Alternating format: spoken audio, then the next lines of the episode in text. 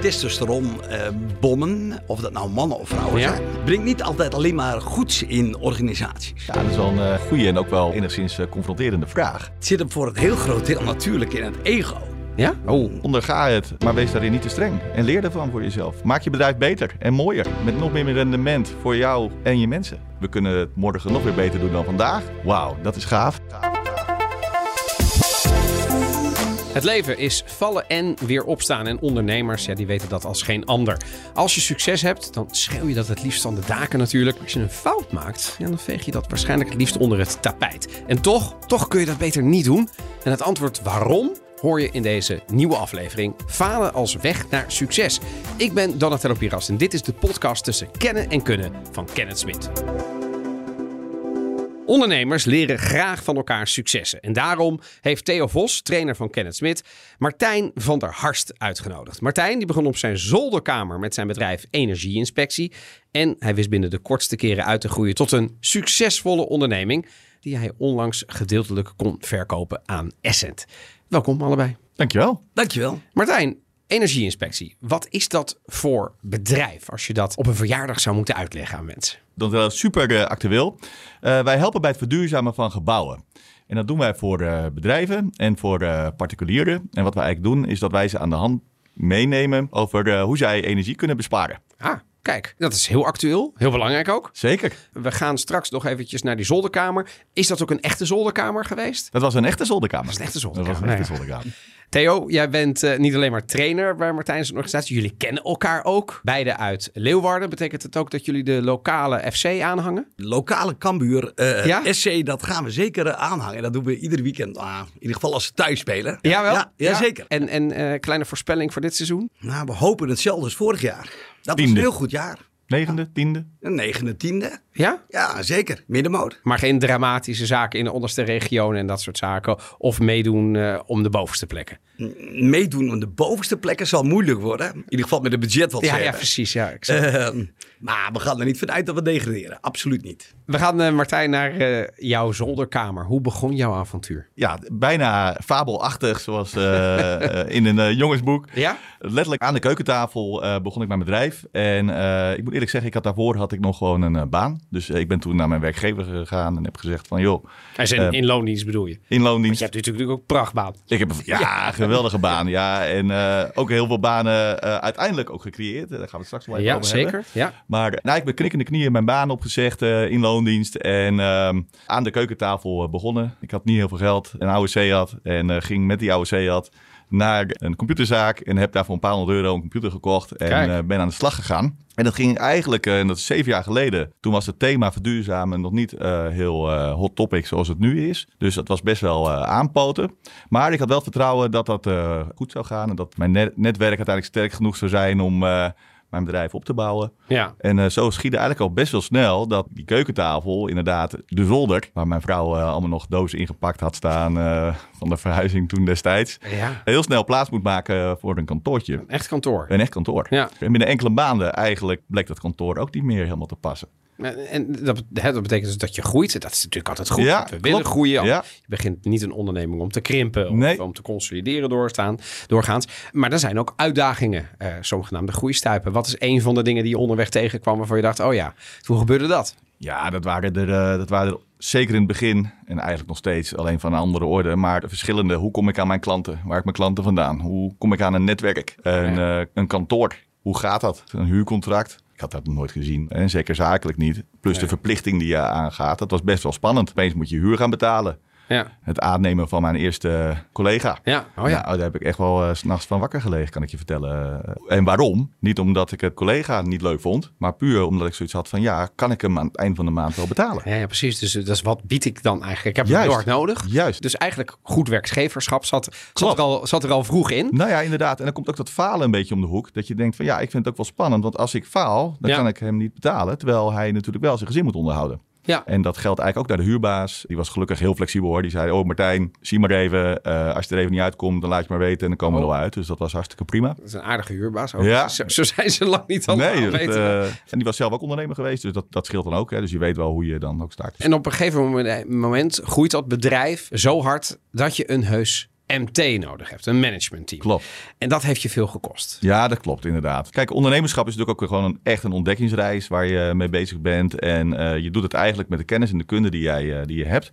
En vaak ook met een beetje uh, boerenverstand, zullen we zo maar zeggen. Ja. En mijn team groeide uit en ik kon het gewoon zelf niet meer managen. En toen had ik zoiets van, nou, Even voor, de, voor, voor de luisteraar, hoeveel mensen hebben we het dan over? Dan heb je niet over twee man. Nee, twintig. Ja. En nou ja, zeker de loyale mensen die wat langer bij mij werkten, met de meeste ervaring, en die ik ook wel een hele mooie carrièreverbetering. En eh, in ieder geval zo, zo zag ik dat. En eh, daar ging ik mee om tafel en ik zei van, joh, zou jij niet eh, een, een team willen aansturen? Ja, het lijkt me fantastisch, het lijkt me leuk. En eh, zo geschieden. En begonnen zij eh, een, eh, een rol binnen het MT. Ja. Alleen zo'n leiderschapsrol is toch echt wel heel wat anders, bleek achteraf, dan een goede energieadviseur of een goede duurzaamheidsadviseur. Eh, dus wat ik eigenlijk gedaan had, ik had mijn allerbeste mensen een eh, leidinggevende rol gegeven, eh, zonder eigenlijk even wat verder te kijken dan mijn neus lang is. En daar kwam ik dus later ook achter. Met de beste bedoelingen overigens. Want je Overigens de wilde- allerbeste je- bedoeling. Je wilde ze natuurlijk echt iets geven. Maar misschien gaf je sommigen wel corvée. Uiteindelijk bleek dat zo te zijn. Want- en want- ik wist dat helemaal Ja, niet. En nee, daar kwam ik ook ik. achter. En dat heeft er uiteindelijk ook in geresulteerd. Helaas dat een van die jongens ook is weggegaan. Omdat hij zich niet meer op zijn plek voelde in die rol die ik hem had gegund. Ja. Klopte dat ook achteraf in die rol? Ja, voor, voor hem wel. En ik heb dat nooit gezien. En eh, daar baal ik ook wel, eh, ook wel van. Dat hij het helemaal niet naar zijn zin had in die rol. Nou, Theo, nu heb jij Martijn hier uiteindelijk bij ondersteund als trainer. Dat is natuurlijk ook jouw vak. Je bent een trainer. Wat was jouw belangrijkste advies, boodschap toen? Ja, wat je heel vaak ziet is wat Martijn ook aangeeft. eh, vanuit loyaliteit of vanuit de beste medewerker. En dan vaak ook de, de medewerker die het, eh, die het meest gemotiveerd is. La- of het langste Het zit, langste hè? zit, ja, hè? anciëniteit. Eh, of ja. degene die, je- die je best wel graag mag. Ja. Die maken we vaak toch met z'n allen, maken we die manager als een soort bonus. En dat is natuurlijk heel raar. Waarom Maken- is dat raar? Ik denk dat heel veel luisteraars die misschien MKB'er zijn en ooit begonnen zijn, zich er misschien in herkennen en denken, ja, dat heb ik ook gedaan. En natuurlijk is het van belang dat iemand die manager is, die, dat die ook wel een, een of andere vorm van, van kennis op het gebied van het vakgebied of de werkprocessen heeft. En ja, je wilt ook wel iemand hebben die een voortrekkersrol heeft. Alleen eh, de competenties van een manager, die zijn niet altijd hetzelfde dan degene waar jij het dan over hebt. In de rol waar hij of zij dan, hij was het, eh, was het destijds, eh, zat. Ja, in die rol is diegene enorm goed. Alleen de competenties van een manager, ja, daar komt natuurlijk wel veel meer bekijken. Ja. En je ziet heel vaak dat op basis van dit soort eh, situaties, zoals Martijn nu schetst, dat een manager, eh, dat iemand manager gaat worden, daar ook niet heel professioneel in ondersteund wordt. En per ongeluk dan ook vanuit zijn eigen toch wel motivatie gaat falen. Ja. Ja. Zie, zie je dat vaker gebeuren? Ja, dat In- zie je heel in- vaak. Nou, het is vaak ook wel een inschatting van en de medewerker. Oh ja. En het is natuurlijk ook een eer Ja. om, eh, om een positieverbetering. En in Nederland is een positieverbetering toch, als je manager gaat worden, in de, in de hoofden van de meeste mensen, is dat een Ja, positieverbetering. je, je maakt carrière, je krijgt misschien een beter salaris, je Ja, meer zeker. Verantwoordelijkheden. Het zijn allemaal de zaken waarvan we geleerd hebben. Het is een kans, die moet ik Ja. dan grijpen. En ben je het daarmee eens, Theo, dat dat de kans is? Ja, het is zeker een kans. Ja, het is zeker een kans. Alleen de vraag is, wordt die kans op een eh, rationele gronden wordt die, eh, bepaald? En kun je vooraf, had je het al kunnen weten?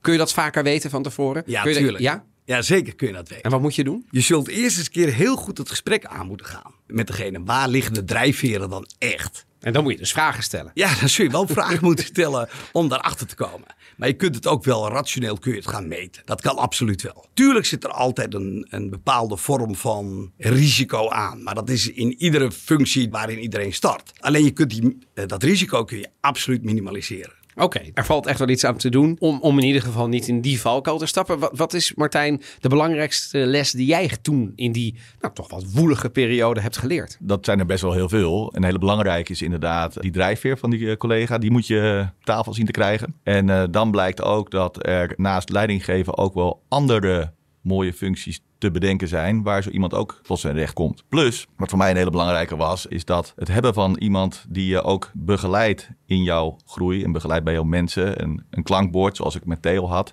die is ontzettend belangrijk. hè. Dus vergelijk het altijd eh, met eh, topsport. Die hebben ook coaches Zeker. en eh, een hele staf. En als ondernemer hoef je het niet alleen te doen. En daarmee kan je dit soort dingen dan, ehm, nou, misschien dat je het niet altijd voorkomt, Hmm. maar je kan er wel met elkaar een hoop van leren en kijken hoe het dan wel beter kan. Ja, dat is wel een mooie boodschap. Hè? Dus dat je, dat klinkt, daar sta ik dan in mijn eentje. Klopt. Maar je bent niet alleen. Je bent niet alleen. Nee, want er zijn andere professionals die je daarbij kunnen helpen. Absoluut. Wa- wa- Theo, wa- Wat zou, als jij het zou mogen benoemen, een valkuil zijn die jij bij veel startende ondernemers met een snel groeiend bedrijf herkent? Nou ja, wat Martijn al aangaf, in het begin was het natuurlijk een en al Hosanna. Je startte, een paar maanden later had je al een kantoor, je had de eerste medewerkers aangenomen. In no time zit je op 20 mensen. En dan voel je dat je moet professionaliseren. Maar op dat moment heb je natuurlijk zoveel zelfvertrouwen, waarvan je denkt van, hé, hey, dat kan ik helemaal zelf wel. Alleen vooral in die professionaliseringsslag heb je gewoon mensen om je heen, heb je echt wel nodig. En niet alleen op het trainerschap en eh, het coachingsvlak, maar op andere fronten heb je dat ook. En nou, ik ken je nu goed genoeg om eh, te weten dat jij op alle vakgebieden echt wel een specialist om je heen hebt eh, verworven. Waarin je niet meer zo makkelijk in diezelfde valkuil stapt. Dan dat je destijds wel hebt gedaan. Dat je het zelf allemaal Ja, wil dat je doen. denkt dat je het allemaal zelf moet uitzoeken. Ja, ja en dat, dat, dat, ik denk dat dat herkenbaar is voor veel startende ondernemers. Of ondernemers die ja, misschien al vijf of zeven jaar geleden wel zijn gestart, maar in een groeifase zitten. Waardoor je tegen al die groeistuipen aanloopt. Nu is dit natuurlijk een titel falen op weg naar succes. Klinkt een beetje als een contradictie. Want als je faalt, dan denken veel mensen, ja, dan ben je helemaal niet succesvol. Maar waarom is het maken van fouten wel degelijk belangrijk als je professional en ondernemer bent? Ja, het falen is, is eigenlijk gewoon prachtig natuurlijk. Eh, Vertel. het falen, eh, het, is toch prachtig dat je fouten maakt. We maken natuurlijk allemaal iedere dag fouten. Zeker. Mensen die zeggen dat ze geen fouten maken, daar word ik altijd enorm eh, zenuwachtig word ik daarvan. Want? Ze zien dus niet dat ze zelf fouten maken. Ja, ja precies. Ehm, en je kunt jezelf altijd heel makkelijk wijsmaken dat het toch de beste keuze is geweest om voor A of B te kiezen. Terwijl je eigenlijk wel weet dat C een betere keuze was. En dat heeft natuurlijk voor een heel groot deel heeft te maken met het ego van de ondernemer of van de manager. Maar ook van de medewerker natuurlijk. Maar het brengt je zo ontzettend veel. Wat brengt het je? Als je een, een vermogen hebt om van je fouten te leren. Nou ja. Zul je echt de volgende keer wel nadenken om die fout weer te maken. Ja. Dus e- eigenlijk zijn het leerpunten. Als je, Het als zijn ik 100% als, als ik het leerpunten. zo, zo hoor bij jou. Ja, alleen het, Cadeautjes. het punt is, ja, de cadeautjes zijn het absoluut. Alleen op dat moment ervaar je het misschien minder als een cadeau, toch Theo? Ja, dat, dat zeker. En, en wat je, maar wat je wel in een organisatie vaak ook ziet, het, het- je hoeft niet alleen zelf je te wijzen op je eh, valkuilen en op je fouten. Maar wat zou het al prachtig zijn dat je een organisatie kunt bouwen waar een cultuur ontstaat, dat je elkaar juist op een hele prettige manier Uitdaagt. eh, kunt uitdagen om juist Ja. die valkuilen van elkaar op tafel te kunnen gooien. Ja, het brengt mij nu ineens op de gedachte dat... Ik weet dat ze, en dat doen ze volgens mij al een jaar of nou... Tien misschien in de Verenigde Staten. Er bestaan er zogenaamde fuck-up nights, zo Mhm. heet dat. Dat Ja. zijn ondernemers die dan nou ja, in, gewoon een klein theater elkaar met een borrel of met een etentje vertellen van hun grootste fuck-up. Laten we het grootste fout noemen in, Ja. in normaal Nederlands. Omdat die andere ondernemers dan van elkaar kunnen leren. Maar het heeft ook een soort louterend vermogen, zeggen al die mensen die daaraan mee hebben gedaan. Zeggen, want we blijken allemaal more or less de, dezelfde dingen te doen. En als hij mij dat vertelt en ik zit net in datzelfde proces, hé, hey, dan, dan hoef ik die fout weer niet te maken. Dus misschien zou dat taboe er een beetje afmogen. Want een fout en, en falen klinkt natuurlijk hopeloos negatief. Hè? Ja. Willen wij niet als ondernemers falen? Dat klopt. We willen alleen maar succes. Ja, en dat willen we ook zeker. Maar het een kan niet zonder het ander. Nee, en, het- en hoe makkelijk. In Nederland is de cultuur toch anders. Je kunt ook enorm veel van je medewerkers leren. Klopt. Als je daarvoor open staat en je, je toont daarin ook je kwetsbaarheid, dan kun je eh, als ondernemer alleen maar sneller groeien. Als je daar een cultuur weet te creëren waarin de medewerkers op een hele makkelijke manier ook jouw valkuilen heel eh, kenbaar kunnen maken. En wat is daarin belangrijk? Is dat leiderschap of cultuur? Cultuur en leiderschap. Allebei. Ja, en je zult een grotere leider worden als je daar juist over open staat. Ja, omdat jij als leider faciliteert die cultuur. Ja, Ja, zometeen eh, zal Theo vertellen hoe je ervoor zorgt dat er in jouw organisatie een cultuur ontstaat waarin je veilig die fouten mag maken. Maar eerst willen kijken of we Martijn nog ergens bij kunnen helpen. De ondernemersvraag. Ja, Martijn, jij hebt in een best korte tijd een succesvol bedrijf neergezet. Heb jij die hulp van Theo dan überhaupt nog wel nodig? Nou, zeker. En eh, ik heb ook een hele mooie vraag eh, aan Theo uh, Donatello. Want Vertel. als ondernemer ben je natuurlijk altijd bezig met de toekomst. Hè? Dus je kijkt niet alleen naar morgen of overmorgen, maar ook naar volgend jaar en de Ja. jaren daarna. Super belangrijk. Vooruitzien is regeren, zeggen Ja, ze dan. ja, Hè? we hebben En- altijd eikpunten. Hè. De zomer is er overigens, hè, waar we nu middenin zitten. is ook zo'n moment dat je toch weer even denkt... oké, ga nu weer even vooruitkijken. Q3, Q4, volgend volgend jaar. Volgend jaar, ja, zijn we al mee bezig. En ik lag inderdaad eh, twee weken geleden op een strandbedje. Toen ging het wel een beetje door me heen zo van... eh, alles om ons heen is niet per se positief. Hè? Dus economisch lijkt het allemaal wat minder te gaan. Energieprijzen, die worden... eh, en dat is voor ons dan natuurlijk wel weer een kans als bedrijf. Eh, worden eh, steeds hoger. Maar hoe dan ook, er komen toch eh, wat mindere tijden aan. En de tijden die wij hebben gekend, die waren natuurlijk ongekend. Bomen tot in de hemel. Er was voor iedereen is er genoeg werk, ook voor ons. Maar hoe bereid ik nou mijn mensen en mijn team voor op mindere tijden? En hoe krijg ik ze daar uiteindelijk dan ook in mee? En dat vind ik echt wel een eh, vraag waar ik de afgelopen tijd, Ja, wat mij wel bezig houdt. Ja, waarmee je hebt geworsteld. Theo, ik denk dat dit een vraag is die bij iedereen die in een professionele omgeving werkt, in een leiderschapspositie, die zullen dit wel herkennen. Wat zou jouw reactie zijn, aan jouw advies zijn? Het is eigenlijk heel eenvoudig. Alleen, het is heel eenvoudig om het uit te leggen. Of het is heel moeilijk om het uit te voeren. Omdat het nu natuurlijk heel goed gaat, is die noodzaak tot verandering is er niet erg aanwezig. Nee, dus het, logisch. het gevoel van urgentie Nee, die is bij een gemiddelde medewerker daarover als het voor de wind gaat, is minder. Als het een week later of een maand later gebeurt, er stroomt geen bloed uit. Alleen, je weet wel, er gaat wel bloed uitstromen. Ja. Als je daar nu niks aan doet, dat je daar later in ieder geval problemen mee krijgt. Dus wat zou je moeten doen? Want we weten allemaal dat in jouw marktgebied ook eh, de sterkste zal overleven. Met de sterkste partij zal nooit iets gebeuren. En wat bedoel ik met de sterkste partij? Die je financieel goed voor staat. Die in ieder geval een stootje aan kan. Maar ook de beste mensen. Met de juiste koers. En met ja, toch wel innovatieve toegevoegde waarde kunnen bieden in de toekomst. Zodat ze zich kunnen aanpassen aan de veranderende omstandigheden. Volledig. En om dat te realiseren, zul je nu al in een markt, wanneer het niet nodig is, die lat op alle fronten al heel hoog moeten leggen. Op al die verschillende deelgebieden. Op al die verschillende deelgebieden. En je zult enorm scherp voor ogen moeten hebben waar de markt naartoe gaat. En hoe je daar innovatief, en dat vertrouw ik jou meer dan, eh, dan Ja. toe, om daar innovatief op te blijven afkoersen. En het laatste punt is, jullie zijn een echte dienstverlener. De mensen maken het verschil. Dat klopt. Dus op kennis en op vaardigheidsniveau en op alles wat ze maar richting een klant doen, zullen de mensen toch echt het verschil moeten maken. Dus hoe krijg je die mensen al in een modus dat het alsof het een wereld is waar de lat hoger komt te liggen. Dus hoe ga jij die mensen coachen? Hoe ga je ze trainen? Hoe ga je ze vanuit het management ondersteunen om ze echt op een hoog niveau te positioneren, zodat ze straks met twee vingers in hun neus die moeilijkere marktomstandigheden gewoon aankunnen. Ja, z- zeg ik er één kritische vraag bij. Want ik denk nu, ja, fantastisch. En Martijn, als jij dat een beetje zou, zou kunnen realiseren de komende maanden, jaren, ja, dan ben je denk ik inderdaad spekkoper. Alleen, we leven natuurlijk ook nog eens een keer in de tijden van een krappe arbeidsmarkt. En straks gaat Martijn al die mensen hè, opleiden tot toppers. En dan, dan zijn er natuurlijk ook weer kapers op de kust. Want ja, tegenwoordig kunnen al die professionals, jij en ik trouwens ook, kunnen kiezen. Of is dat weer een, een angstige vraag? Dat is een angstige vraag. Want wat ik gewoon merk is dat medewerkers heel graag bij een organisatie willen werken waar ze zich moeten uitrekken. Waarin ze meer moeten doen en waarin ze zichzelf kunnen ontwikkelen. Ja. En daarin maak je al heel snel het verschil naar concurrentie. Want je zult merken dat bij concurrenten daar minder aandacht voor is. Dat klopt. En het eerste wat zij in een volgend sollicitatiegesprek gaan, eh, gaan vragen: hoe gaan jullie mij faciliteren op het vlak van ondersteuning in mijn eigen ontwikkeling? Omdat dat tegenwoordig natuurlijk ook heel belangrijk is. Ja, dus dat- is die persoonlijke groei van die medewerker zelf ook heel belangrijk. Ja, dat is zeker van belang. Maar dat is op technisch niveau, dat is op, op, op teamontwikkeling niveau. Ehm, hoe ga jij het, het maximale uit je team en uit je mensen trekken? Ja, ik weet zeker dat daardoor ook het verloop van je mensen, die gaat alleen maar afnemen. Nou, Martijn. Ja. Goeie tip. Dus eigenlijk als ik het samenvat, even stilstaan om weer verder te kunnen, te accelereren, te versnellen. Hè, dus de situatie waar wij nu in zitten is dat we het smoor druk hebben. We zijn alleen maar bezig met de business en die, het zo snel mogelijk helpen van de klant. Operatie. Precies, dus eigenlijk Ja. hebben we ook helemaal geen tijd om dit soort mooie dingen te doen die Nee. je nu aangeeft. Dus daar moeten we tijd voor gaan maken. Dus we moeten tijd gaan inpassen in ons drukke schema. En even Ja, eerlijk, en- ga je die tijd al creëren? En durf je dat? Daar zit hij. Ja, Ja, en? Was het antwoord? Ja,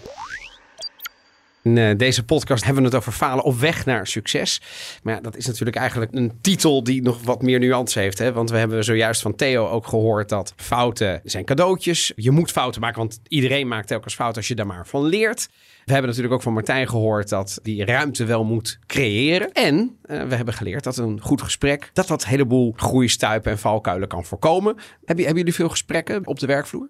Ja, zeker. Dat heb ik absoluut. En dat is ook hartstikke belangrijk, want dat geeft mij heel veel informatie over hoe het met de persoon gaat. En dan niet alleen, maar ook hoe mijn organisatie uh, functioneert. En ik moet zeggen dat Theo mij daar ook erg bij geholpen heeft bij het voeren van bepaalde gesprekken op niveau want uh, inderdaad, het is soms best wel lastig om het ook het, het juiste uit je medewerkers naar voren te krijgen. En dat is voor mij super belangrijk. Ja. Dus uh, nee, absoluut. Eh, Theo, hoe, hoe, zorg je er nu voor? Daar hadden we het eerder natuurlijk al over in deze aflevering. Je wil een omgeving, je wil een cultuur waarin je medewerkers veilig fouten mogen maken. Want dan kun je er het meest van leren. Want als je meteen wordt afgestraft, dan dat lijkt me een hele onveilige omgeving. Hoe zorg je er nou voor? Het is een grijs gebied. Het is niet zwart-wit. Mm en het is ook om daar te komen, is echt wel een weg naartoe te werken. En wat ik vaak zie is bij organisaties waar het wel heel makkelijk kan, dat daar heel veel helderheid is op hoofdlijn, op strategie. Oh ja. Op hardheid ook van het, het bewaken van kernwaarden. Dus daar kunnen heel makkelijk dingen aan gekoppeld worden. En even los van die strategie en die kernwaarden, op meer operationeel niveau hebben die mensen vaak veel meer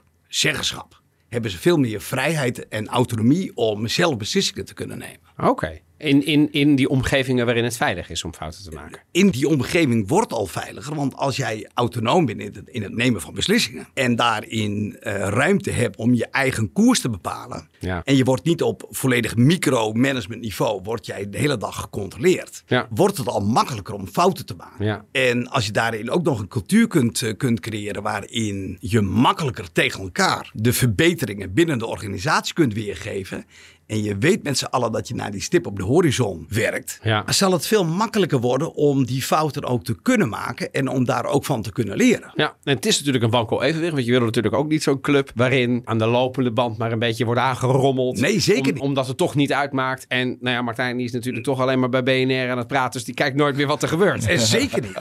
Nee. En je zult ook daarin, daarin juist die KPI's en die strategie en die kernwaarden, die zul je echt heel goed moeten kunnen implementeren. Ja, maar het is daar... dus op dat dashboard kijken, zonder dat je op micromanagement als manager, als CEO, de hele tijd iedereen achter zijn volle zit. Want dat is weer onveilig. Ik, ik hoop dat dat absoluut gebeurt. En dat mensen ook intrinsiek naar de strategie en naar uh, het doel met z'n allen, dat we daar naartoe werken. Ge gemeenschappelijk doel moet het Daar eigenlijk wordt het ook een, een, gemeenschappelijk doel. Want in heel veel gevallen is dat medewerkers nauwelijks dat de strategie of de kernwaarden van een organisatie ook kennen. Ja. Is dat bij jou, Martijn? Als ik, als ik nu een, een, een ondernemer met redelijk wat competenties en wat verantwoordelijkheid zou. Weet hij wat de strategie is? Of zit dat alleen in jouw hoofd? Ja, dat is wel een uh, goede en ook wel uh, enigszins uh, confronterende vraag. Um, kijk, um, strategisch gebeurt er bij ons natuurlijk ontzettend veel. Ja. als je ziet wat er, wat er gebeurd is, ook met de overnames ja. sinds een aantal maanden. Dus, um, ja, daar zal niet iedereen van iedere stap op de hoogte zijn. Nee, dat, dat lijkt me ook heel raar. Dat klopt. En wat dat met zich meebrengt, is dat ook, zeker even in dit voorbeeld, er strategisch ook wat nodig ook bij ons verandert. Oh, ja. Het MT is daar zeker wel van op de hoogte. Hè? Dus die weet wel van welke koers varen wij. Maar aan de andere kant is het daar moet ik ook eerlijk over zijn, is de strategie zoals die er voor energieinspectie de komende jaren uit gaat zien, daar zijn we op dit moment mee bezig. Maar logischerwijs uh, vind ik wel, en dat geeft hij ook heel mooi aan, dat in ieder geval je MT moet je daarin meenemen. Wij hebben daar ook eigenlijk uh, ieder jaar een, uh, een, sessie voor. Waarbij wij het uh, personeel ook meenemen. Een, een, dag. En dat is eigenlijk één te weinig hoor. Want dat zou je zou dat vaker moeten doen. Kijk, no to self tijdens deze podcast. Ja, absoluut. Eigenlijk nog eentje weer. Dat klopt. En, en we vangen dat toch ook wel af. Hè? Dus dit is dan heel specifiek op strategie. Precies. Maar wel, ik denk wel dat je moet je mensen ook moet meenemen in wat we iedere dag doen. Oh ja. Is dat we een soort kwartaalbijeenkomst uh, hebben. Oké. Okay. En doen wat met een biertje. En dan uh, alleen dan ben je meer aan het terugkijken. In ieder geval, dat doen wij dan. Dus we kijken we terug van hoe hebben, we, hoe hebben we het gedaan? Wat is er allemaal gebeurd? Wat zijn de ontwikkelingen geweest? Ook wel belangrijk, want anders dan Klopt. Hè, dat je ook even met elkaar terugkijkt. En waar is het Zeker. goed gegaan? Hoe hadden we het beter kunnen Ja, doen? En wat absoluut. betekent dat dan Ja. voor het volgende kwartaal? Nou ja, en daar past natuurlijk wel heel mooi wat Theo ook weer aangeeft. Dat je uh, een organisatie probeert te, te, te, bouwen. Waar dus fouten en falen kan. En dus Ja. Waar je het over kan hebben. Maar waar je ook gewoon een, uh, een biertje bij kan drinken. Maar hoe komt het overigens, Theo, dat we over het algemeen, generaliseer ik eventjes Mhm. de Nederlander en ons professionals, dat we vinden dat we geen fouten mogen maken? Ja, dat zit hem voor het heel groot deel natuurlijk in het ego. Ja? Oh. In het ego van de manager. En een manager die, die wordt op een gegeven moment ook weer afgerekend op zijn afdeling. Of op zijn, zijn verantwoordelijkheidsgebied. En wat je vaak ook ziet is dat die manager, eh, vooral als ze ook nog manager of, of leider zijn geworden. Dan ook denken dat ze beter of slimmer of uh, handiger zijn dan de groep. Ah. Maar dat even een gewetensvraag, want ik kijk nu even ineens om ons heen. Ik zie drie mannen. Ja. Ik hoor ego, ik hoor manager. Ik denk dan toch een beetje aan dat alfa-mannetje. Is het niet zo dat als je een wat diversere club hebt, misschien wat meer vrouwen aan de top, dat dat, dat, dat helpt bij dit soort zaken? Nou, of het nou mannen of vrouwen zijn, maar het testosteron eh, bommen, of dat nou mannen of vrouwen Ja. zijn, brengt niet altijd alleen maar goeds in organisaties. Nee, dus die diversiteit is wel Ja, degelijk die- belangrijk aan de die top. di- diversiteit, dat, dat wil je ook heel graag als managementteam, maar ook binnen je organisatie wil je dat gewoon heel graag. Alleen het lastige is, je wilt aan de ene kant je diversiteit. En aan de andere kant wil je toch met z'n allen een bepaalde richting op. Ja. En dat is aan de ene kant best wel wat paradoxaal. Juist een diversiteit, maar toch met z'n allen dezelfde kant op. Ja, maar jij hebt ons uitgelegd, Theo, eerder in deze aflevering... dat juist iemand die af en toe tegen Martijn en alle andere mensen zegt... hé, hey, maar wacht eens even, misschien moet je dat op een andere manier doen. Dat is heel waardevol. Ja. In plaats van iedereen die alleen maar roept ja en aan... en we gaan achter eh, de grote Ja. Wat nog mooier natuurlijk is, is iedereen ziet wel verbeteringen binnen organisatie. Alleen er zijn binnen sommige organisaties is het best wel lastig om de vrijheid te kunnen nemen. Om vanuit dat punt wat je ziet wat verbeterd kan worden, heb je dan ook de, de kracht en het lef om die verbetering zelf tot stand te kunnen brengen. Ja. en als je dat voor elkaar kunt krijgen. Eh, Zitten we wel op de hogeschool van eh het maximale uit je medewerks halen. Ja. Ter meerdere eer en glorie natuurlijk voor de strategie. Martijn, wat zou jij nu andere ondernemers die meeluisteren op dit moment eh, mee willen geven als het gaat om het maken van, van fouten? Je hebt er een paar gemaakt. Je zult er in de toekomst ongetwijfeld, hebben we net geleerd, ook weer maken. Maar je trekt er ook lering uit. Ja, en sowieso eh, vind ik dat je daar niet te streng in moet zijn. Naar jezelf, maar ook niet naar, je, naar de medewerkers, je collega's of leveranciers. Dat kan natuurlijk ook, hè? dus eh, iedereen om je heen. Ja. Ook niet eh, je vrouw of je man als je die, eh, die hebt. Dus wees daar niet te streng in. Eh, probeer er ook van te genieten. Haal er wat positiefs uit. Ik ben behoorlijk positief ingesteld wat dat er gaat. En natuurlijk eh, vind ik het, wat Theo net ook al zei, terecht niet altijd even leuk om een fout te maken. Maar probeer er ook wel van te genieten in de zin van we kunnen het morgen nog weer beter doen dan vandaag. Wauw, dat is gaaf. Ja, dus, dus on- onderga het, maar wees daarin niet te streng. En leer ervan voor jezelf. Maak je bedrijf beter en mooier. Met nog meer rendement voor jou en je mensen. Dankjewel Martijn van der Harst, oprichter van Energieinspectie. Dankjewel. En Theo Vos natuurlijk trainer bij Kenneth Smit. Hartelijk dank voor jullie inspirerende verhalen. Dit was Falen als weg naar succes. De vierde aflevering alweer van de podcast tussen kennen en kunnen van Kenneth Smit.